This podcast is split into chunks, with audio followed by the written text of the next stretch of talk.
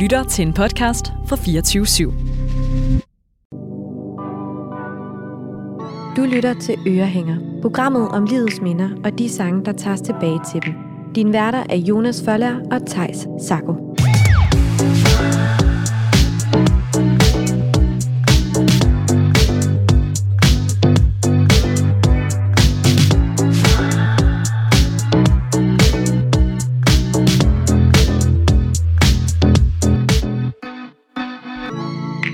Velkommen til ugens afsnit af Ørehænger. Programmet om livets minder og de sange, der tager os tilbage til dem. Ja, velkommen til. Og vi har som sædvanligt en gæst med. Og dagens gæst er sangerinde, rapper, tv-vært, tøjdesigner og forfatter, og har med sine mange talenter været en del af rigtig mange danskers liv på den ene eller den anden måned.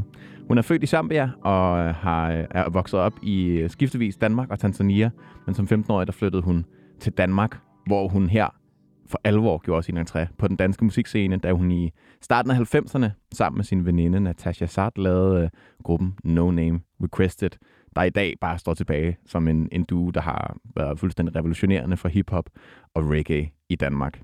Siden der har hun udgivet bøger, medvirket i diverse tv-programmer og øh, udgivet flere plader i eget navn. Og her i 2020 for et par år tilbage, der udgav hun kæmpehittet til banken sammen med Tessa og Natasha, og var med den virkelig med til at fastslå, at hvad det, hiphop og reggae stadig har en stor plads på den danske musikscene. Velkommen til dagens gæst, Karen Mukuba. Tusind tak. Wow. Altså, vi er ikke engang begyndt, at jeg bliver nærmest rørt allerede over den introduktion. Tusind tak for det. Og vi skal dykke ned i tre minder i, i dag. Og det første minde, det er barndommen med store skift, har vi kaldt den. Mm. Det andet minde er mødet med hiphop og de store idoler. Mm-hmm. Og det sidste minde har vi kaldt savnet af et venskab. Det lyder som en fed rejse, vi skal på i dag. Ja, vi glæder os rigtig meget til det. Fedt. Og vi skal i gang med første minde, som jo er den, øh, hvad hedder det, den her sådan, øh, barndom med lidt store skift. Hvad, øh, hvad er sådan dit første minde af din barndom? Åh, oh, mit aller, aller første minde. Ja, det, det er lidt... Øh Altså hvis... Åh, oh, ja, hvad, hvad det er også et stort spørgsmål. Det er et kæmpe altså. spørgsmål. Fordi i virkeligheden, altså jeg bliver født i Zambia, og så kommer jeg til Danmark som toårig, er her i to år. Så i virkeligheden er mit måske sådan rigtig første minde, det er i Danmark, hvor jeg står og vinker til min øh, farfar og farmor, som er danske.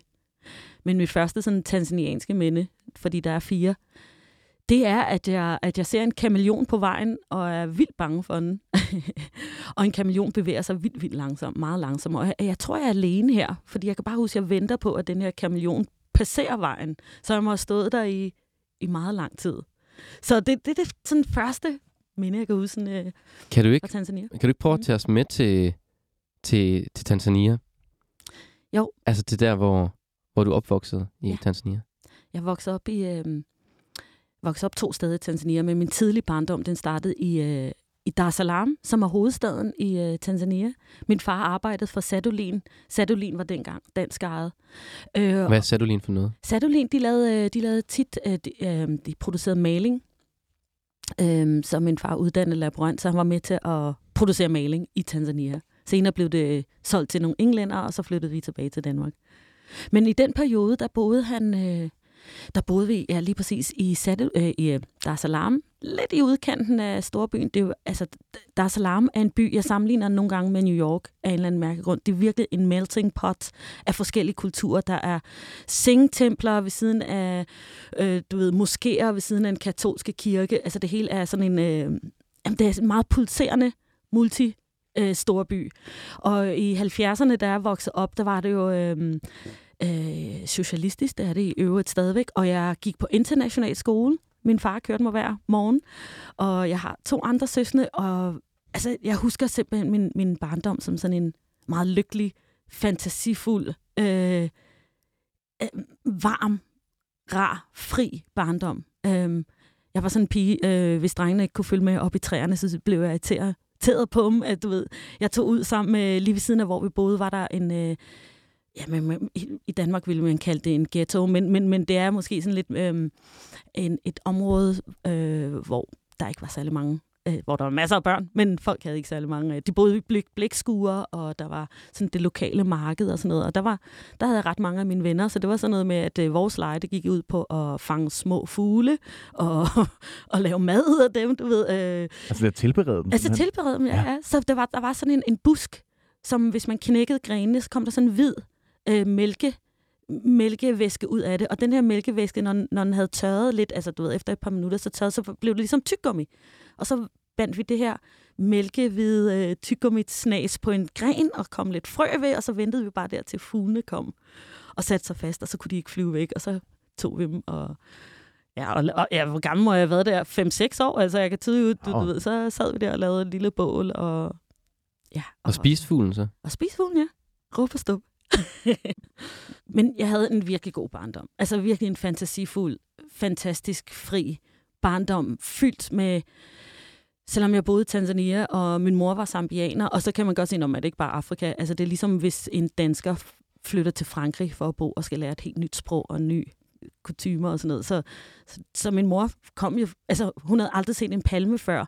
Jeg kan huske min far, og det lyder mærkeligt, min far havde en bog med, eller jeg tror, det var min farmor, der sendte den til, til mig, fordi jeg er født i Zambia, sendte øh, den, her, den her bog, der hedder Lille Sorte Sambo. Ja. og den læste min far øh, for mig en gang imellem. Han, øh, dengang, jeg, jeg, altså jeg tror ikke, han tænkte over, at det var ikke en særlig god bog at læse. Eller, Hvad var det for en bog? Lille Sorte Sambo, det handler om øh, en lille dreng, som øh, tager ud i junglen og øh, møder nogle tiger, og så de her tiger, de, de narer ham for alt hans tøj. Og, og så narer han faktisk tilbage. Eller de her de, de, tigerne begynder at slås, og de øh, løber rundt om palme, og de bliver til smør. Og så tager han, samler han det her smør, som er tigerne, hjem til hans mor, store sorte sambo, tror jeg, hun hedder, eller sådan noget. Og så laver hun en masse pandekager. Og i virkeligheden, det er en eller anden englænder, der har skrevet det for, jeg ved, øh, 40'erne, 50'erne, tror jeg, måske endda før det. Øhm, og, hvis man kigger på drengen, så er han jo i virkeligheden inder, og, men han er meget sådan typisk karikeret med store læber, og du ved, rigtig, øh, du ved, afrikan, du ved, blackfacing, washfacing, ja. eller hvad det hedder. Ja. Ikke særlig pænt. Men den bog øh, læste min øh, far for mig, og det var faktisk nærmest en af mine yndlingsbøger. Og min mor kiggede den her bog og tænkte, de lyver jo. Sådan ser Afrika jo slet ikke ud. Der er mm. ikke nogen palmer. Hvad sker der? Og tiger. Hvad? Hold op, hvor de lyver deroppe i Europa. Og så kommer hun til Tanzania, og der er der palmer og kokosnød, og folk, der ligner araber og inder og sådan noget. Så, så for hende var der også en, en, en øh, stor kulturschok i virkeligheden at komme mm. til Tanzania. Og du, du er selv vokset op sådan lidt i Tanzania, men også lidt i Danmark. Sådan, hvordan var det for dig som barn at, at, at få den her øh, kulturforskel, som der også må have været? Ja, altså, øh, øh, jeg kom så til Danmark, da jeg var cirka 9 og flyttede til Hvidovre, mm. hvor øh, derhjemme har vi sådan talt øh, engelsk, fordi det var det sprog, min mor og far talte sammen. Og så var Swahili også en, øh, mit andet sprog, og så skulle jeg lære dansk. Og jeg kunne huske, at jeg kunne tælle op til 10. Jeg kunne tælle til 10, inden jeg kom. Øhm, og det var, altså fordi Danmark har altid været sådan en land of opportunity. Wow, når vi snakker om Danmark derhjemme, det var bare, åh, der er vinerbrød, der er tivoli, der er rulletrapper, det var bare det fedeste land nogensinde. Altså, du ved, det er nærmest sådan, jeg bladede mig med, jeg kommer fra Danmark, okay, og jeg skulle altid tælle til 10, for det ville de gerne høre, hvordan mm. jeg gjorde. Ja, hvad sagde de andre børn til det, altså, kom fra Danmark? Altså i Tanzania? Ja. Der var jeg Mzungu. Mzungu, det betyder white, whitey. Altså, jeg var en af dem, men fordi jeg talte Swahili og løb med barter og alt det der spis, spise, og min mor har gjort enormt meget ud af, at vi skal huske, hvor vi kommer fra. I'm from the bush. I have to learn how to be an African woman, for man ved aldrig, om man bliver gift med en fra bushen. Så, så jeg har aldrig følt mig anderledes i forhold til dem. Men altså, ja, når jeg kigger tilbage, så kiggede de jo på mig som en, som en hvid pige, fordi min far var hvid, og vi havde lidt et, ikke lidt, men vi havde et større hus end de andre, og sådan nogle ting. Jeg gik på en, en uh, international skole og sådan noget. Men uh, jeg tror, som barn, så er det ikke sådan på den måde noget, man lægger mærke til. Især ikke, hvis man ikke, hvis man ikke bliver drillet. Det gjorde jeg så til gengæld, da jeg kom til Danmark og videre. Altså sådan noget med...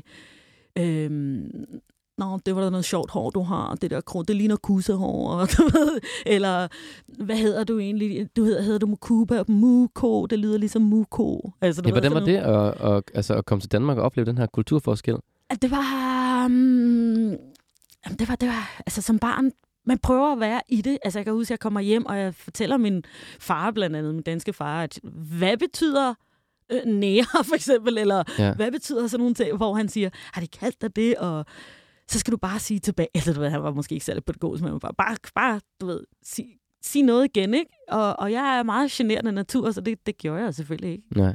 Så det blev meget med at, sådan, at, at virkelig prøve at lade som om, jeg var dans, dans, dans. Jeg kan huske, i, i 80'erne, der var, der var der sådan en frisyre med, hvor man skulle have sådan en tot, sådan en... Øh, en enkelt tot her i nakken. Mm. Jeg har jo afrohår, hvis som ikke kan se. Så jeg klippede mit hår øh, kort, ligesom alle de andre, alle de andre piger, sådan lidt kort, og så med en tot. Men min tot, i stedet for at hænge nedad, så hang den sådan, du ved, strittet. Stak bare ud. Stak den bare ud, og strittet opad. Så jeg gjorde en masse, og jeg lærte også dansk enormt hurtigt. Altså, jeg husker nærmest som om, at vi kom, jeg kan huske, vi kom øh, i april, for jeg var lige, du ved, øh, jeg skulle lige til at fylde 10, og hvad hedder det, øh, og allerede sommeren, da jeg begynder i, jeg kan ikke huske, om det var 3. og 4. klasse, der kunne jeg dansk. Øh, ret godt. Altså, du ved, så godt, så min lærer var sådan lidt i tvivl om, om øh, hvorfor jeg ikke kunne læse det, for jeg kunne ikke læse det særlig godt. Øhm. Jeg synes bare, det lyder ubehageligt også. altså, altså, og, altså, og når de andre børn kalder en sådan nogle ting. Mm, det er ubehageligt. Og, og jeg ved også, at det var sådan noget, jeg synes, mine forældre var enormt pinlige. Altså, fordi min mor var så anderledes. Jeg synes, det var så pinligt. Øhm, at, at øh, jeg havde sådan nogle forældre, der var anderledes end dem. Øhm, og, og nu boede vi øh, på, i Hvidovre på Risbjergskolen, og udover mig og min søskende, så var der en anden indisk familie, som, hvor der var to børn, der gik. Så vi var det eneste mørke, så vi, virkelig, vi stak virkelig ud på en eller anden måde. Og jo, det er ubehageligt, men jeg tror som barn, så, så, så det, eller du ved, som sagt, jeg blev ikke drillet intenst på det måde. Det er i hvert fald ikke sådan, jeg husker det. Nej. Så var det nemmere for mig måske bare pyt. Altså, du ved, lad det, lad det ligge, de ved ikke bedre. Mm. Men, men den der opmærksomhed var bare noget generelt. Måske, altså, jeg kan huske i toget, min mor, hun, hun lavede flætninger på, på os nogle gange øh, på mig med perler i, og i toget kunne folk kan huske, jeg kan huske især en incident, hvor der var en øh, sådan en gruppe drenge, de har måske været 18-19 år eller sådan noget, som måske lyttede til Bob Marley, og så pegede de, ah, det var Bob Marley, der sidder der, åh, hvor sød, mand, hold kæft, det er Bob Marley, og så skulle, fik helt det der togkupé, fik vi opmærksomhed. Så jeg bare, det, det, på en eller anden måde vender man sig til den opmærksomhed om jeg så var i, øh, i Tanzania eller i Danmark, men vender sig til den. Og jeg vil også sige, det der med drillerier, altså der, der gik måske et halvt år, så var vi alle sammen lige igen. Altså det var måske sådan en, en start, du ved, børnene skulle også lige lære mig at kende, jeg skulle lige lære dem at kende, og, og, og hvordan kommer vi i kontakt med hende? Nå, det, så er det sjovt at sige, hey, dig med, med kussehåret. mm. og, og jeg vil sige, min klasse var egentlig meget sød. Det var meget dem fra de andre klasser. Så når jeg kigger tilbage, føler jeg egentlig ikke, jo, jeg blev der drillet, men jeg, ikke, jeg føler ikke, jeg blev traumatiseret af det. Nej. Hvor, øh, hvor følte du dig sådan mest hjemme som barn? Var det i Tanzania eller i Danmark? Helt klart Tanzania. Helt klart. Um, der var der er et eller andet... Øh, Jamen, jeg ved ikke, hvad det er. Altså, jeg følte mig enormt hjemme og kunne være mig selv. Hvorimod i Danmark følte jeg lidt, jeg skulle... Øh, øh, hvad hedder sådan noget? Øh, indordne mig lidt. Eller prøve at være lidt... Jeg prøvede virkelig at være ligesom mine andre danske venner. Øh, hvorimod i Tanzania kunne jeg bare... Følte jeg, at jeg kunne være mig selv. Jeg, jeg, jeg, nu ved jeg ikke, om vi, lige kan snakke om det, men jeg har, jeg har, har jo altid skrevet på, på engelsk. Og så her for nogle år siden skrev jeg første gang på dansk, og så læste jeg sådan en kæmpe undersøgelse i England, hvor de siger, at, at øh, især folk, der, har flere, der er flersprogige, når de taler hvert et sprog, får de ligesom forskellige personligheder. Og det slog mig bare fuldstændig, fordi det kunne jeg godt se. Jeg kan godt se, når jeg taler engelsk, faktisk når jeg taler engelsk, føler jeg, at det der, jeg er mig selv, fordi det måske det der, jeg taler, det, jeg taler med mine forældre, og jeg kan sige mine meninger på en anden måde. Når jeg taler Swahili, så er jeg lidt mere kæk, Altså, du ved, sådan mere, mm. jeg, jeg tør sige noget. Altså, du ved, jeg tør prutte om prisen, jeg tør bare, du ved, være lidt mere rowdy. Ja. Når det bliver dans, så bliver jeg enormt genert. Jeg bliver enormt sådan indlukket, og oh, nej, bare jeg ikke siger det forkerte, bare jeg ikke, øh, altså faktisk i dag også, jeg har virkelig sådan, åh oh, nej, nu håber jeg virkelig ikke, jeg begynder at sige noget forkert. Jeg vil så gerne virke klog. Kan man sige det på den måde? Jeg vil mm. så gerne virke rigtigt. Ja, fremstå autentisk. Fremstå autentisk. Og det tror jeg faktisk, det er noget, der, der, der har fulgt mig fra, da jeg boet i Hvidovre. Altså det der med, at jeg vil gerne passe ind, og, og for mig i det danske i hvert fald, det har været at, at måske lægge lidt, og det lyder forkert, lidt, lidt låg på, hvem jeg måske i virkeligheden er. Eller bare være lidt mere dansk. Øh, giver det mening? Jamen, hvordan, ja. hvordan var, hvad var den største forskel fra sådan din hverdag, eller sådan den måde, du var i Tanzania, og den måde, du var i Danmark? Jamen altså i Tanzania, det var bare sådan, åben døren, ud af leg. Altså du ved, der var ikke noget, og så kom man, men hvis man kom, når der var, ah, du ved, når der var aftensmad, frokost. Hvorimod Danmark, det blev meget med, at man skulle ringe til folk, kan vi aftale og lege? Altså den der, det blev lidt mere firkantet på en eller anden måde. Altså også bare i det hele taget, så derhjemme kunne jeg se, at min mor var enormt ked af det, at være i Danmark. Hun synes, hun, hun blev, hun, øh, hun følte sig meget alene. Hun har altid sagt, Danmark is like a jail. og, og, og, og hun, er, hun er meget sådan øh, åben øh, type, der meget gerne vil, er god til at small talk, er god til at få kontakt med folk, altid, vores dør har altid været åben. Den i Tanzania for eksempel, det var sådan, at øh, det, jeg føler altid, at der var folk ind og ud. Der var altid familiemedlemmer, der boede der over, over længere perioder. Sådan er det i, øh, nu siger jeg Afrika, Afrika er, er et kontinent og ikke et land, men nu siger jeg bare Afrika, der er det meget med, at hvis man har nogle familiemedlemmer, der er lidt mere privilegerede, der måske bor inde i byen, så er det helt naturligt, at man måske tager nogle af børnene, og de de bor sammen. Altså mine kusiner boede sammen med os i de perioder, vi boede i Tanzania, fordi så kunne de få en bedre uddannelse i Tanzania, øh, end de fik i Zambia, fordi min mor kommer fra en landsby, hvor der ikke var nogen elektricitet. Hun kommer virkelig langt ud fra landet. Mm. Men øh, hendes far gjorde meget ud af, at de skulle få en uddannelse. Så hun er blevet lidt, eller blev mere vestlig. Men ja. Ja, hvorfor synes hun så, at det var et fængsel at komme til Danmark? Jamen, det var det der med, at hun synes, det var svært at, at, at få kontakt med andre folk. Øh, når det var vinter, var hun øh, var det for, følte hun, altså, hun følte virkelig, at folk lukkede sig inde. Altså det der med øh, i, øh, i Tanzania og i Zambia, så er det meget naturligt, når man går på gaden. Selvom man ikke kender folk, hvis man går forbi hinanden, lige giver den ikke til hinanden. Lige sådan, hey, jeg har anerkendt dig. Hvorimod her så er åh, noget, oh, man kigger ned i jorden, for man skal helst ikke have, have øjenkontakt. Eller i bussen.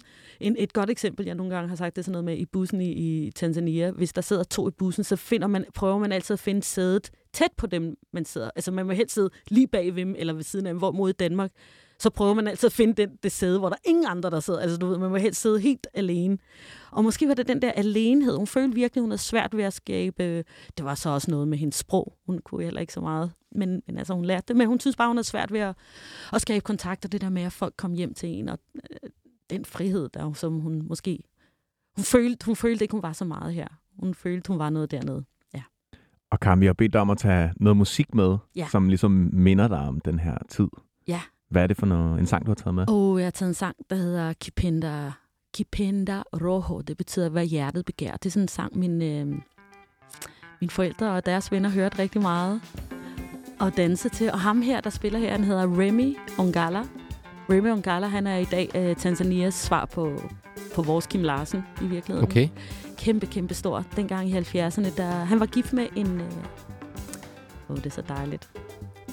Vi kan lige høre. Kipinda Rojo. Hjertet begær.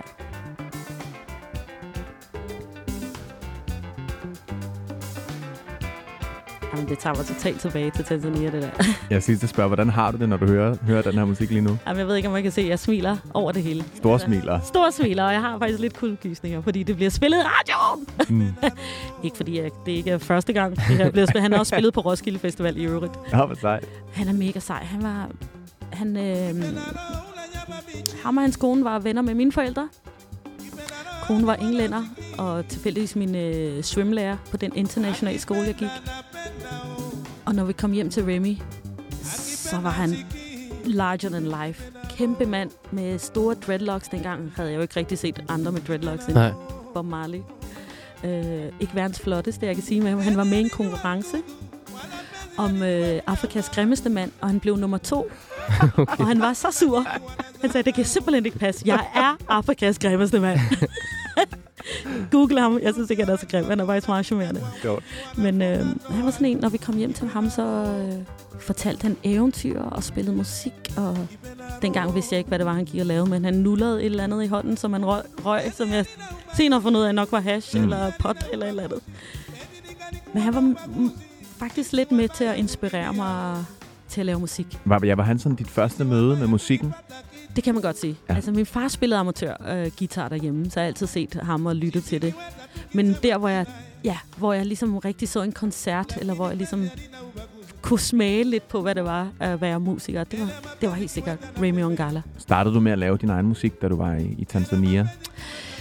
Meget senere, altså da, øh, jeg begyndte måske at, mine spæde små raps begyndte der, men det var sådan øh, på de skoler, hvis der var en musical, så var jeg altid sådan øh, take up, må jeg ikke nok, må jeg ikke nok få den rolle, hvor man ja. skal synge mest, eller sådan, ikke? Øh, meget irriterende, tror jeg i virkeligheden, for jeg kan tydeligt huske, at jeg jagtede mine lærer og sådan noget. Mrs. Andrew, tror jeg, han hed. Hvor, øh, can I please? Må jeg godt være med i den Men du har sådan altid haft lyst til at, at performe? Og... Altid. Faktisk, øh, jeg kan huske, jeg kan tydeligt huske første gang, jeg sådan nævnte over for min far, at nu vil jeg lave musik. Jeg tror, det må have, have kørt lidt i, min, i mit system, og så på vej hjem fra skole en dag, så er jeg helt glad og siger, jeg synes selv, jeg har fået den lyseste idé, ja. og siger til ham, jeg ved godt, hvad jeg vil være, når jeg bliver stor, og så spørger han hvad, og så siger jeg, jeg vil gerne være musiker, jeg vil gerne, være, jeg vil gerne lave musik. Og jeg, jeg kan huske nærmest en skuffelse i hans ansigt. Hvorfor tror du det? Jamen, øh, jeg, jeg, fordi han den måde han svarede på, han var sådan, åh, altså det var ikke noget med, ah fedt, altså du ved, sejt. Det var mere sådan, øh, okay, det skal du, øh, ja, hvis du gør det, husk nu, du skal have en uddannelse, åh, oh, det er meget svært. Altså han begyndte allerede der at fortælle mig om, hvor svært det var at være musiker. Han, han har altid, han har været autodidakt øh, musiker, øh, og jeg tror i virkeligheden, han måske gerne ville have været musiker, men han havde nogle meget få fornuftige øh, bedsteforældre, eller forældre, som syntes, han skulle være laborant. Og han var ene barn, og jeg har en teori om, at lige så snart han kunne, så, så, så flygtede han ud af det hjem. Ja. Fordi allerede som 21-årig tog han til, til Tanzania, som en af de yngste frivillige, danske frivillige, som øh, sendte afsted og kom aldrig hjem, faktisk. Mm. Han har boet længere i tid i i Tanzania og Zambia, end han har boet i Danmark. Øh. Men så du så ligesom, at, at ja. din far spillede sådan amatørgitar, ja. og havde, var sådan lidt kritisk over det her med at blive musiker. Ja. Men så stod du Remy her. Ja, så så jeg Remy om Gala, og mine forældre elskede Remy. Altså, du ved ikke, så det var bare sådan... Og, og ja, det var ikke, fordi jeg ved, vidste noget til hans livsstil, Nej. men bare den der glæde omkring musik, og have lyst til at, at, at lave musik og skrive musik. Jeg kunne, jeg kunne godt lide at synge dengang allerede, og kunne godt lide at, at klemme ud og danse til de numre, mine øh, forældre, altså min, min far har lyttet alt fra lige fra Beatles til Jimi Hendrix til ABBA, alt muligt. Ja. Og min mor, det er Miriam Makeba og sådan ting der.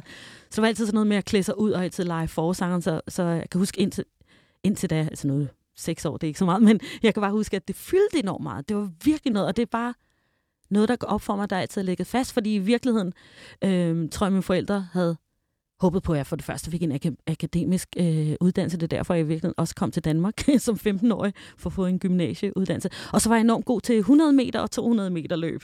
Så det var ligesom det, øh, jeg faktisk troede ja. i lang tid, at det var det, jeg skulle øh, gøre for evigt. Øh, og det troede mine forældre også. Og så kommer jeg til Danmark. Ja, det skal vi til nu. Yes. Fordi øh, vi skal til det andet minde, mm-hmm. og det har vi kaldt mødet med hiphop og de store idoler. Ja. Og det er jo øhm, her, hvor du kommer til Danmark. Ja. Det er faktisk, igen. Ja, igen. Ja. Kan du prøve lige at ride tidslinjen op? Født i... Født i Zambia. Ja. Og, hvis jeg, okay, nu helt på nippen. Ja. Født i Zambia, kommer til Danmark som toårig.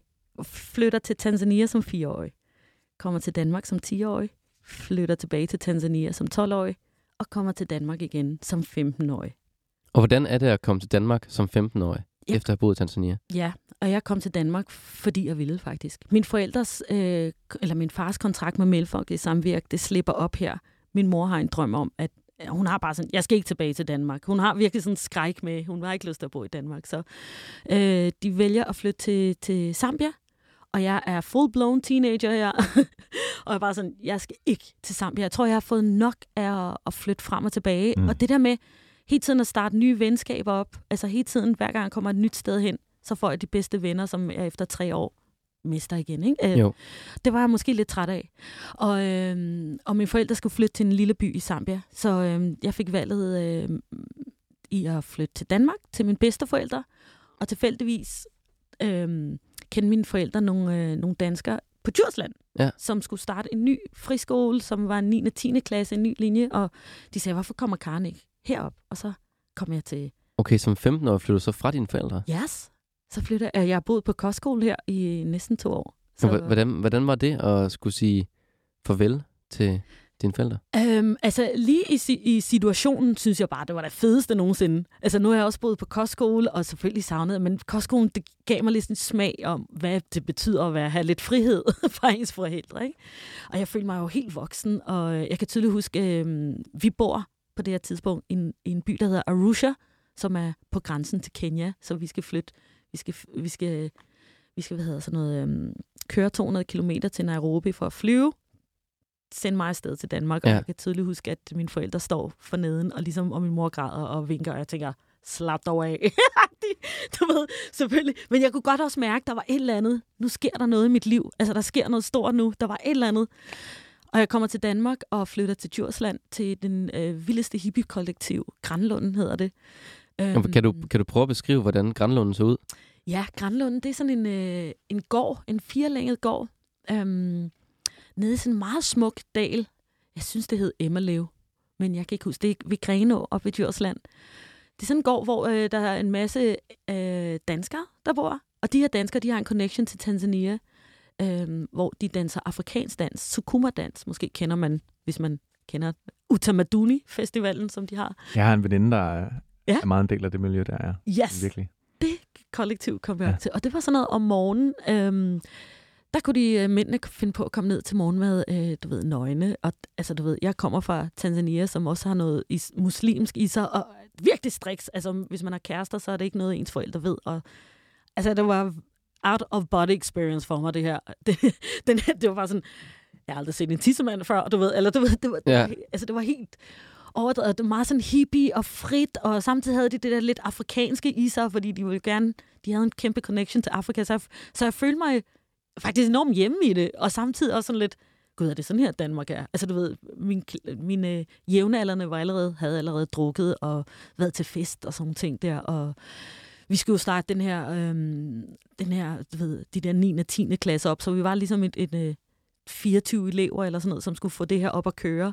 Det var måske meget fedt, fordi vi stod alle sammen lidt på lige fod, og de her børn, der gik på den her friskole, de var lidt outsiders i Grenå. Det var sådan hippiebørnene og folk, folk grinede lidt. Og kan, du, kan du prøve at beskrive, hvordan hippiebørn, Jamen altså... Hvordan var de? Hippiebørn på den måde, altså du ved, det var det her, det er slut 80'erne, hvor alt var neon farvet. Det var totale stonewash-bukser, altså kopperbukser med, du ved, ja, hvide, som var med klor, altså vasket med klor. Kan I se det for jer? Ja. Stonewash, ja. Og, og du ved, altså virkelig disker, disker, disker hed det dengang. Jeg tror endda, det hed disker. Altså du ved, disker, det vil sige sådan der kun går på diskotek nærmest. Ikke? Øh, sådan en neonfarvet øh, lang negl. Faktisk lidt det, der er moderne i dag. du ved. Ja, det lyder meget som moden. er det rigtigt? Og, og, altså virkelig, altså 80'erne, meget sådan 80'er pop, det hele skulle være pænt og tykke gummiagtigt, og meget sådan, øh, hvad hedder sådan noget, øh, dusfarve, eller hvad, ikke dusfarve, hvad hedder sådan noget, um, pastelfarver. Ja. Mm. Sådan noget der, ikke? Og alle de her hippiebørn, så, inklusive mig, fordi jeg var blevet en del af det her, det var virkelig genbrugstøj, og du ved, ens forældre, vi havde ikke, du ved, man havde en fjer i håret en gang imellem, man havde batiktøj på, man, man var med, men på en sej måde. Altså, vi synes selv, vi havde det, det seje stil, altså måske lidt, øh, jeg vil ikke sige punkeragtigt, det er ikke der, men, men øh, sådan øh, hippie, altså mere sådan flower power, vi havde, vi kunne godt tage lange ned og dele på. Jeg kom så som totalt disker, skal lige siges og du ved, med min stonewatch. Fordi igen, jeg ville gerne passe ind og få ja. hurtigt ud af, okay, jeg kommer op i en klasse, hvor det er totalt af hippier. det, er, det er nærmest noget, altså du ved, det var en no-go at være disker på en eller anden måde. Var det rart at, at, at komme ind sammen med alle de her hippiebørn her? Ja, det var det. Det var det helt klart. Helt klart. Jeg er så glad for, at jeg startede der, og ikke blev sendt til Søborg som det første hos mine bedsteforældre. Øh, og måske kom direkte ind i Københavns miljø. Jeg ved ikke. Jeg føler lidt, jeg fik en blød landing. Også det der med, øh, vi blev passet på, fordi du ved, det var, det var en virkelig en, øh, en community, et kollektiv, hvor man passede på børnene. Jeg følte igen, det var sådan lidt afrikansk dansk kultur. Altså, jeg følte mig enormt hjemme i det. Øhm, så det, det var rart. Hvordan møder du så hiphoppen? Altså, hiphoppen havde jeg nærmest mødt der på den her kostskole, og jeg håber ikke, folk bliver forvirret over min, min historie. Nogle gange bliver jeg selv forvirret. Altså kostskolen? Kostskolen i, i Tanzania. I Tanzania der, der igen, det var sådan en international skole, hvor der både var amerikanere og japanere, og en masse tanzanianere også, for den sags skyld. Men øh, amerikanerne, de havde tit bånd, kassettebånd. Ja, det var inden, jeg ved ikke, om det er inden jeres tid. Jeg to herrer her. Ja, jo, det, jeg er født 94, så det er sådan lidt... Ja, 98. Alright, så. alright, alrighty. Vi kender til dem, vi kender til dem. vi kender til dem. oh my god. Nå, men øh, de havde kassettebånd med. og på de her kassettebånd var der blandt andet sådan nogen som Run DMC eller Cool J. Eller Cool J blev jeg er kæmpe forelsket i, fordi han lavede et nummer, der hed I Need Love, som er enormt følsomt, og måske, du ved, han, ja, han fortæller bare sådan på sådan en rap sej måde, at han, I Need Love. Så det var bare sådan, LQJ, that's my man. Og jeg vidste, og, og fordi det var, altså det var ligesom, i dag er rap, det, man kan næsten ikke forestille sig, at det er en genre, man ikke havde hørt om. Det var vidderligt for nogen, tror jeg, som om det bare var larm. Hvad er det for nogle ord? Ja. Men for sådan en som mig, og mange i min generation, det var bare endelig noget musik, der taler til os på en eller anden måde. Ja, hvorfor talte det til dig? For mig var det, var det både deres... Øh, altså, det kom i, i høj grad til udtryk, da jeg så kom til Danmark, og måske den, det her, øh, den her gruppe, vi kommer til at lægge op og øh, kommer til at spille noget fra. Fordi da jeg kommer til Danmark, grund til rappen talte til mig, det var, jeg tror, jeg kommer som, til Danmark som 15-årig, og, og rap er en del af, er noget, jeg kender til, og jeg godt kan lide genren. Ja. Men rigtig mange af de her rapper, de rapper om at have en kæmpe kærlighed til the motherland, og sådan noget med at let fight the power. Altså det havde talerør, det havde nogle andre budskaber, end måske noget af det musik, jeg havde hørt for, før, som øh, nu siger jeg bare Whitney Houston, Janet Jackson, nogle af de kvinder, som måske, hvor teksterne handlede meget om, om kærlighed, om forhold, og ikke så meget andet, hvorimod havde rap nogle andre budskaber, et andet talerør, det var råt, og du ved, når man er 15 år, så tror jeg, eller jeg havde været for brug for at være lidt rebelagtig, øh, og også fordi hele mit liv har jeg på en eller anden måde følt mig sådan lidt udenfor.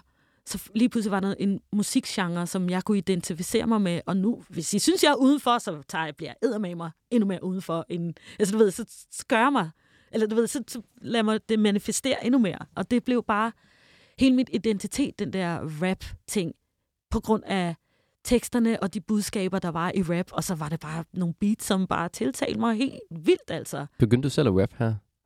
Ja, der begyndte jeg ligesom at rap, og det var faktisk på den her friskole, jeg gik i klasse, og nu, jeg gik i klasse med, det var sådan en meget musikalsk musikskole. Mine forældre var her ikke, jeg kom til Danmark, for nu skulle jeg til Danmark og få mig en gymnasial uddannelse, og så ja. jeg få den der universitetsuddannelse, og så kommer jeg på den her friskole, hvor vi havde en, øh, en musiklærer, som var mega fed. Klassen havde øh, var der en, et band, som øh, alle på skolen, fordi det startede fra 0. klasse, og ja. den ene synes bare, at det her band var det sejeste. Det var nærmest vores idoler, du ved ikke, hver gang de spillede, så var de seje. Øh, der var blandt andet en pige, der hed Sharin Fu, som jeg gik i klasse med. Ja. Og Ravenette, hun var med i det band. Um, mega fedt band. Uh, hun sang, og jeg tænkte bare, det der, wow, det vil jeg så gerne. Og så var der et emneuge, hvor, hvor vi kunne vælge, hvad vi ville. Og jeg sagde til min musiklærer, jeg godt tænke mig at lave et rapstykke. Og, og Nene Cherry, kender I hende? Ja. Yes! Godt. Jeg skulle lige sikre mig. Ej, undskyld. Undskyld. Nogle gange så taler jeg bare, jeg føler, jeg er lige blevet 49, ikke? Og jeg føler ikke, jeg er 49. Nogle gange så glemmer jeg, at jeg er så gammel. Ja. Jeg føler, at vi er lige gamle. det er det fedt. føler jeg. Det er fedt. okay, godt. Men nogle gange tænker jeg, okay, jeg må lige forklare. Men ja. Nene Cherry, hun var mega stor. Hun, lavede, hun havde et nummer, der hed uh, Buffalo Stance, tror jeg, den hed. Ej, nu ved jeg ikke, om jeg lyver. Men sådan noget lignende. Ja. Og jeg, jeg skrev bare en rap, der mindede om det. Det var... Um, var det på engelsk så? Det var på engelsk. Ja. Of course, fordi altså, du ved. Og især lige da jeg kom ind, der var dansk rap begyndt at gå, kom, blive lidt ydt. Altså Rockers by Choice havde nogle uh, hits, og jeg kan huske MC Ejner, og der var også en pige, der hed Josefine MC, som også har inspireret mig enormt meget til det, jeg laver i dag. Men, øhm, men, øh, men det var på engelsk. Og så lavede den her rap, øh, og der, der, der er et eller andet, det, det, det var når jeg hører den i dag, er det bare sådan, oh my god, hvorfor var der ikke nogen, der stoppede mig? What? Men, øh, men jeg fik enormt meget ros, og det bekræftede mig, hey, det her, det er det, jeg gerne vil. Jeg kan ikke spille et instrument, jeg er ikke særlig god til at synge, men jeg kan rap. Og så flyttede jeg til, til København efter den sommer der, efter det år på... Så som, som 16 år, eller hvad? Japs, mm. flyttede jeg til mine bedste forældre. Hvordan er det at komme til København fra, fra Djursland og fra det her hippie friskolemiljø? Det var bare endnu et eventyr. Altså, nu lyder det bare, som om mit liv har været wow derudaf, fordi, øh, selvfølgelig er det ikke det, fordi jeg savnede mine forældre i, i Afrika. Ja. Hver gang de ringede, så græd jeg, fordi jeg kunne næsten ikke tåle det. Dengang var der jo ikke øh, internet, som der er i dag. Nej. Øh, sådan, så man kunne ikke holde kommunikationen, og sådan noget med, altså selv i Tanzania dengang, det der med at ringe til Europa, det var kæmpestort. Det var noget, man gjorde en eller to gange om året. Øh, så jeg vidste, når mine forældre ringede til mig, så var det fordi, nu havde de lige, du ved, nu havde de fået, linjen var åben. Ja. Mm øh, så havde jeg kæmpe afsavn. Kæmpe, kæmpe afsavn. Og i virkeligheden en enorm raseri, husker jeg tilbage på. Øh, Hvorfor det raseri? Jamen, der var, det var en, en, jeg tror, det var det der, man er i en alder, hvor man leder efter sig selv. Jeg kan huske, jeg savnede nogen, der skældte mig ud en gang imellem. Altså, det ved, der var et eller andet, jeg kunne ikke tøjle mine følelser. Mm. Og nogle gange kom det ud i raseri. Og, og jeg er typen, man må helst ikke, jeg må, jeg må helst ikke vise mine følelser. Så det, det var bare sådan lå. Hvorfor må du ikke vise dine følelser? Det er den måde, jeg er opdraget på. Mm.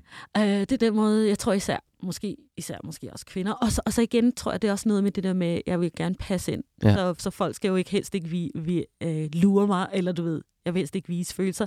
Jeg vil bare være sød. Jeg er opdraget til at være en sød, pæn pige. Hvad, gjorde, hvad gjorde du så med alt den her raseri, der håbede sig op? Jeg tror i virkeligheden, det kom ud, det var rigtig fedt, det kom ud med musikken. fordi jeg kommer jo også til København, og ja, altså jeg kommer til København og ret hurtigt øh, møder Natasha, og kommer ind i sådan skater-rap-miljø, øhm, og måske får lidt lov til at øh, løbe hornene af mig. Altså det var måske lidt det, altså den der min egen rebelagtige ting, det var min egen måde at tænke, øh, det er den her race. Det, det er noget, jeg skal bare, der er noget energi, der skal ud. Kunne I bonde over den her rebel-ting? Det kunne vi i hvert fald. Natasha var jo 13, da jeg mødte hende. Og der var hun øh, lignede hun allerede ingen andre, som du ved, på hendes alder. Allerede, du ved, alle mulige ting. Hun lignede også et hippiebarn. Øhm, og jeg tror lidt, at, at, øh, på det her tidspunkt, lige der mellem 80'erne, altså, der var mange unge på min generation, der var sådan, hvem er vi egentlig? Altså, det tror jeg også i dag.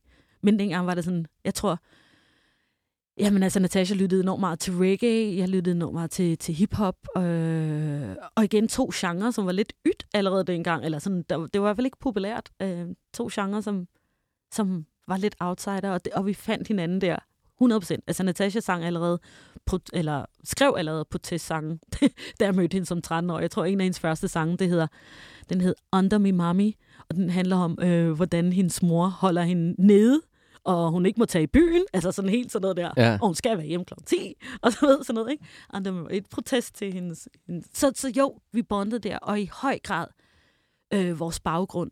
Jeg kunne, det kunne jeg mærke på Natasha, noget af det første, vi snakkede om, det var, hvor vi kom fra. Ja. Og da jeg sagde, at jeg ligesom var fra Tanzania, så kan jeg huske, hun sugede, hvor Tanzania, og hvordan siger man det? Og hun var enormt interesseret i, at jeg kom fra The Motherland. Som sagt var hun øh, dyrket enormt meget reggae, og reggae har også de der, hvor man, man hylder moderlandet, mm. og man gerne vil tilbage og sådan nogle ting der. Så, så det bondede vi på, ja, helt klart. Og begy- begyndte så at lave musik her i den periode? Ja, så begyndte vi at lave musik. Øhm, Øh, jeg flytter til København, som sagt, fra, fra Djursland. Og allerede den sommer, der var der noget, der hed Barbu inde i huset inde i Amalstræde hen i København, hvor om torsdagen var der reggae, og om fredagen var der hiphop. Eller så var der omvendt. Jeg kan ikke huske det. Men, øh, men øh, der var der en aften, og der vidste jeg faktisk ikke, Natasha skrev på det her tidspunkt. Vi havde mødt hinanden på Ringefestivalen øh, gennem nogle fælles bekendte. Øh, og, hvad hedder det, og der ser jeg hende op på scenen, stå og rap på det, bye, bye, bye, bye. Eller hun står og rapper, og så siger jeg, kæft, hvor du sej, mand. Jeg, jeg skriver også lidt. Jeg, du ved, og hun, og hun var bare skidesød. Altså hun var bare sådan, os søstre, vi skal holde sammen. Vi skal skrive noget sammen. Øh, og i den alder, 16-17 år, Natasha var måske lige 14 der, øh, der, hvad hedder det, øh, der var det meget normalt at, at tage hjem til hinanden og sove, sove, og så næste morgen tage, jeg boede i Søborg på det her tidspunkt, så jeg tog hjem til hende og sov, og den morgen fandt vi ud af, at vi skulle have et band sammen. Hun hed Sister Livingstone, og jeg hed Zambone. Ja, og så fandt vi ud af, at vi hed ikke no name på det her tidspunkt. Vi hed bare Sister Livingstone og Zambone, og så fandt vi ud af, at vi skulle skrive sammen. Øhm, ja. Og hvordan begyndte det at, altså at blive større, jeres musik sammen? Jamen altså, um, vi, vi fandt, altså det der med, vi, vi vidste helt klart, at vi, vi, øh, vi havde det her, den her passion for musik, og måske den her lidt outsider-musik. Øh, vi, vi spillede øh, på en af de her Babu, og på noget, der hedder øh, en af de her aftener på Babu, til Babu, hvor der var tit en open mic til en af de her hiphop-aftener, og drengene, de var altid op. Og vi havde lidt aftalt, Natasha og jeg, at når vi tager op på Babu, så skal vi også gå op på scenen og tage mikrofonen. Og så øh, kommer vi derhen, og der er jo kun drenge. Jeg tror, der var måske to andre piger, øh, end Natasha og jeg. Og Natasha var helt klar. Vi skal op på scenen, vi skal op på scenen, og jeg, ja. jeg blev mere og mere nervøs. Og så går vi op på scenen, og Natasha begynder at rappe, og drengene griner af hende, fordi de kan jo ikke forstå, hvad hun siger. Og vi lignede seriøst hippie. Altså du ved, det, rap var jo en subkultur, og alle subkulturer kan være i starten enormt konservative, hvis man ikke har de rigtige bukser på, hvis man ikke lytter til ja. det Alt det der, ikke? Og vi lignede ikke nogen af dem. Altså du ved, vi havde heller ikke råd til alt det tøj, så vi... Jeg havde mit gamle, farmors gamle tøj på nærmest, ikke? Og hun... Så du husker, hun havde sådan en batik nederdel med sådan noget øhm, sådan grøn flager, altså slet ikke. Noget, der måske lignede mere noget fra en 70'er, 60'er film eller et eller andet. Altså vidderligt. Total hippie med strik, strik, øh, hvad hedder sådan noget, strikhalsterklæde. Nå, om drengene, de griner også. Men i den crowd der, øh, der er der en, en, en fyr, der hedder Niels Turbo, som siger, piger, ej, hvor er I seje. I er jo mega seje. Hvis I bliver ved, hvis I kommer ned til mig, øh, så har jeg måske noget, hvor I kan opvarme øh, her om nogle måneder. Men så skal I love, I kommer hver torsdag. Eller Og hvem var det, I skulle opvarme for? Så det her, det var så Queen Latifah. Mm. Og hvem er Queen Latifah? Queen Bare La- lige hurtigt. Nej, Queen Latifah, hun var øh, den største øh, kvindelige rapper i, Mm. der i 90. Jeg kan, hud- det var februar 90, 1990, jeg opvarmede. Altså, hun var kæmpestor. Hun havde lavet et nummer, der hed Ladies First. Og alle kvinder, altså hvis man var til rap, så var det bare ens anthem. Det er det stadigvæk. Hun var kæmpestor. Altså, øh, den største rapper dengang. Og så fik vi lov til at, til at opvarme. Øhm, og det gik rigtig godt. Vi hang ud med Queen Latifah lidt. Det gik godt, og vi fik en anmeldelse. Jeg kan huske anmeldelsen. Jeg har fortalt den her historie mange gange. Der stod der noget med tre nukamus et eller andet slår Latifa af pinden. Og vi havde ikke set, at han faktisk roser os helt vildt. Og det eneste, vi løste, var det der nukamus. Og jeg tror, i sådan noget 25 år var vi bare sure på ham med journalisten. Hvad fanden, mand? Han kalder os nukamus. Og så da jeg skulle skrive uh, Natashas biografi, så læste jeg uh, den her anmeldelse igen. Jeg tænkte, gud, han, altså, han roser os og siger, hvor gode vi er, og vi faktisk slog tog kejler i forhold til Queen Latifah, og bla bla bla. Og Karen, du har taget noget musik med for den her periode. Ja, jeg synes, vi snakker. Har vi overhovedet tid? Vi har tid. Yes. Ja, vi har lige... Det har har vi, tid. ja. Den her, jeg synes, I skal høre, fordi dem her, det var min store, altså Tribe Called Quest. Det var min skaterven NC, der introducerede mig til dem. Og hvad gjorde den her musik ved dig? Jamen det her, det er, man kan måske godt kalde det hippie rap, der er nogen, der kalder det. Det var bare fedt, og især det her nummer, der hedder Benita på bomb. I love it. Lad os lige høre lidt. Bonita Applebum, you gotta put me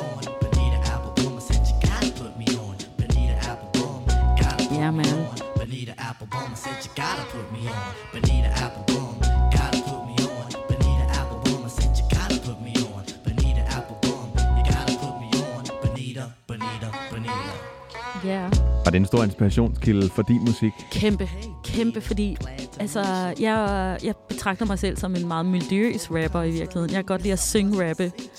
Og det synes jeg, da jeg hørte Tribe Called Quest og hele deres... De havde, de havde noget, der hed Native Tongues. Det var blandt andet Queen Latifah, der var med. Det Jungle Brothers. Dem her, Della Soul. Og deres, hele deres udtryk, det var meget mere blødt. Det var meget mere sådan, øhm, syngende og melodisk. Og, og der havde været Public Enemy, som var meget mere hardcore, du ved. Jeg kunne identificere mig med det her. Bland, bare den her sang, som hylder den kvindelige krop, Bonita er på bom. Jeg, havde, jeg har jo undskyld, jeg siger det, sådan lidt en afrikansk krop med kæmpe numser og sådan noget. Det blev, det er blevet enormt moderne nu. Men dengang var det sådan, jeg ville helst have sådan meget, øh, igen, jeg håber ikke, jeg fornærmer nogen, men sådan lidt øh, en, en, øh, en skandinavisk lang krop med, du ved, sådan lidt androgene øh, former, du ved, øh, ja, sådan... Øh, og jeg havde sådan meget sådan, øh, stor numse og sådan noget, øh, og gemte mig altid. Og især i starten af rap, der skulle man helst ligne en dreng, så jeg lignede efter, ofte en dreng. Men så kommer der det her nummer, som hylder kvinden og det, kroppen og all the blackness in it. Altså, det var bare sådan, wow, I just love you, man.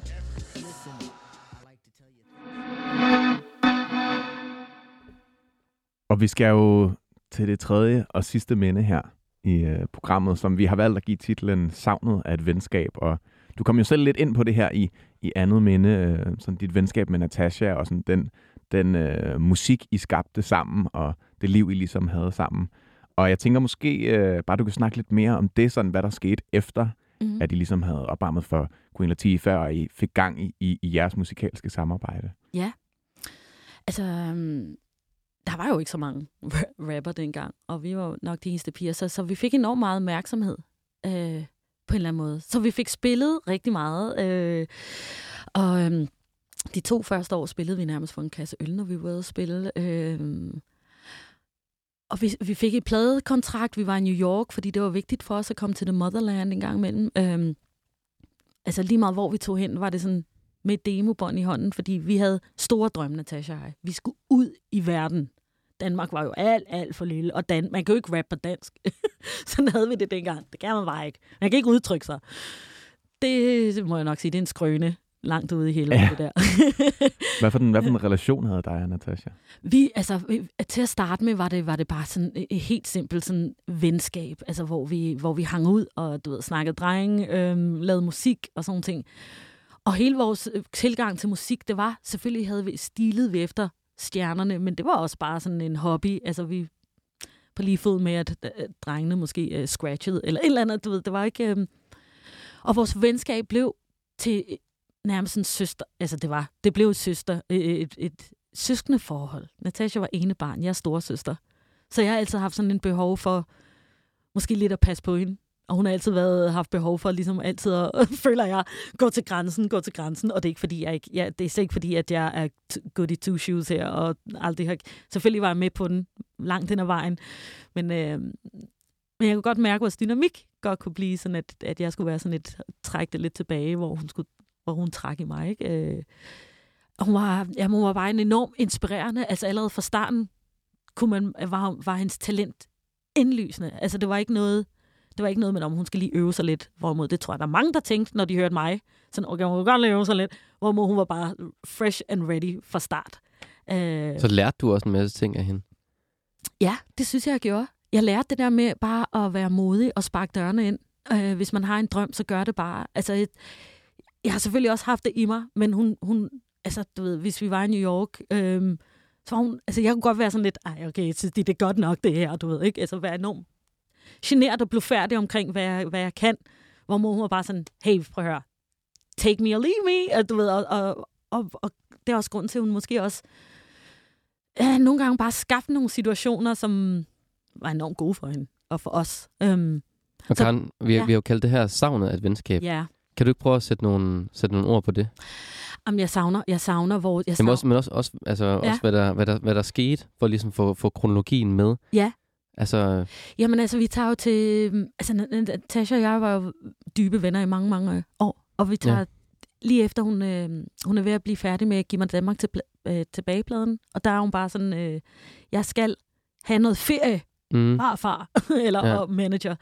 Og der presser hun ind, at nu skal, hun skal lige til Jamaica i øh, tre-fire uger og jeg, jeg skulle med. Og så tager vi til Jamaica. Hun tager faktisk derhen øh, en uge før mig. Øh, og på den her tur, øh, fordi jeg var ikke med det år, hvor hun vinder. Natasha vinder en kæmpe konkurrence året før i 2006, hvor jeg ikke har mulighed for at komme med, fordi jeg har et job inde i Tivoli-varietéen. Øh, wow. Nå, men, øh, øh, Øh, hun vinder, så det her år, hun synes bare, Karen, det er så vigtigt, du kommer med, for alle de kontakter, jeg har skabt, det er også til os. Ja. Hun er altid og det er jo altså på den måde, lojal, lojal veninde, altid. Øh, nå, no, anyway, jeg kommer til Jamaica, og, og hendes mission er det, som om hun, jeg skal bare introduceres til en masse folk, samtidig med, at vi bare skal hygge.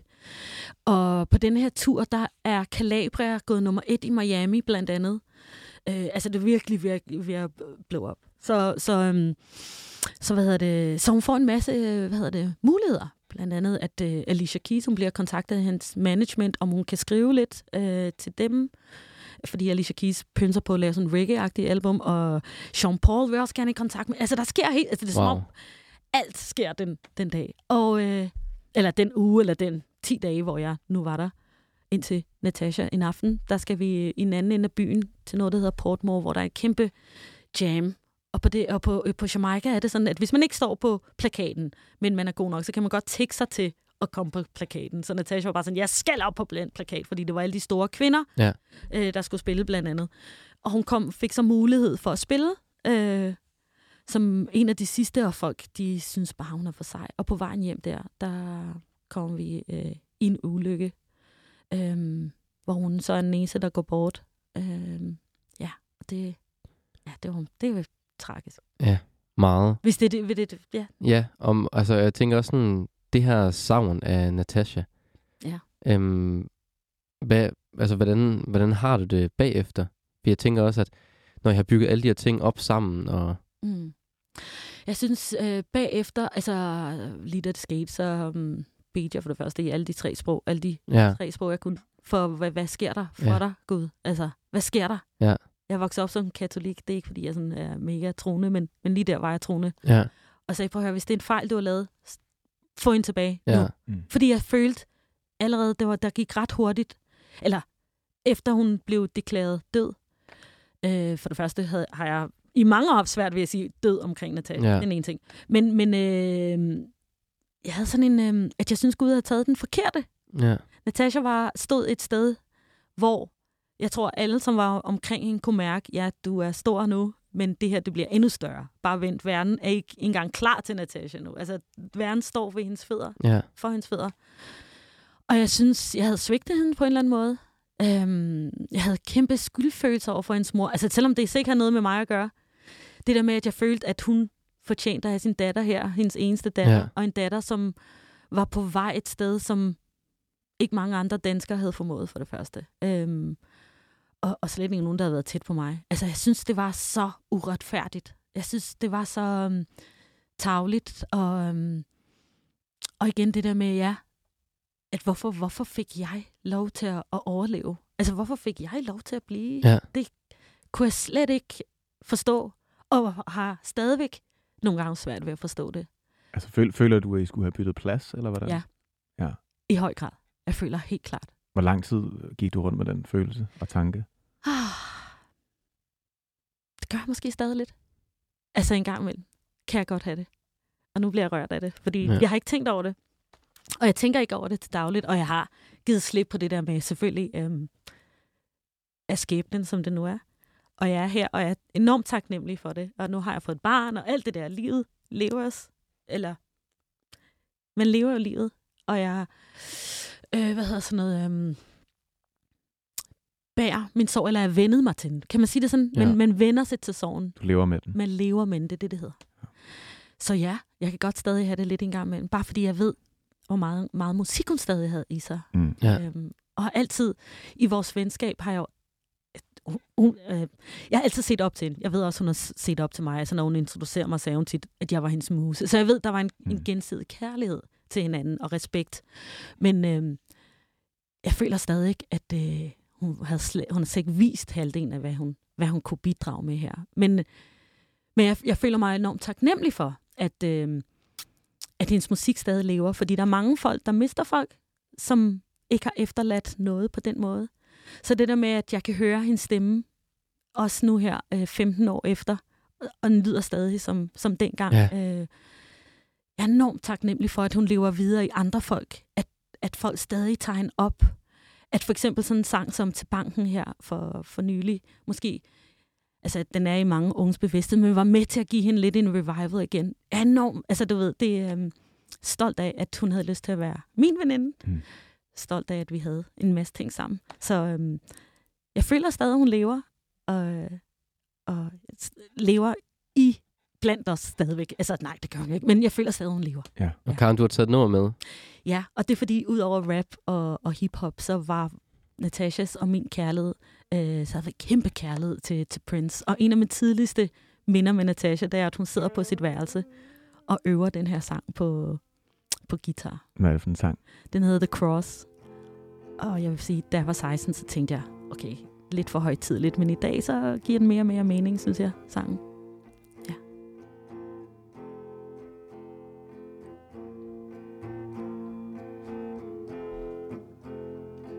Hvilken betydning har den her sang for dig i dag, så når den har givet mere mening med årene? Jamen altså, jamen altså alle Princess numre, synes jeg, siger noget for mig. Øhm, og så ved jeg, at det her, øh, det her nummer, det er det virkelig noget, der knytter mig direkte til, til Natasha. Og så budskabet i, at...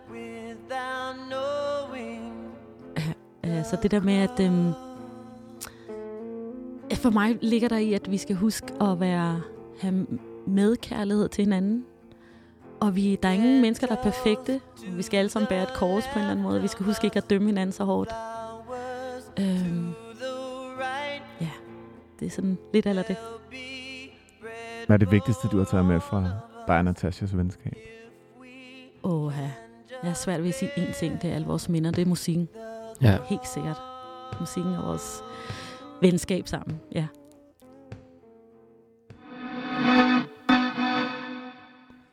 Karen, det var det sidste, vi nåede for i dag. Tusind tak, fordi du kom herind og havde lyst til at dele dit liv og den musik, Ja. der betyder noget for dig med os. Tusind tak. Tak fordi jeg måtte. Det er stort for mig. Tak. Mit navn det er Jonas Forlager, Og mit navn er Thijs Sago. og tusind tak, fordi du lyttede til dagens afsnit. Hvis du vil høre mere ørehænger, kan du finde vores programmer der, hvor du hører din podcast, eller inde i 24-7's app. Kære lytter, du har lyttet til et program fra 24 du kan finde meget mere modig, nysgerrig og magtkritisk taleradio på 24 appen Hent den i App Store og Google Play.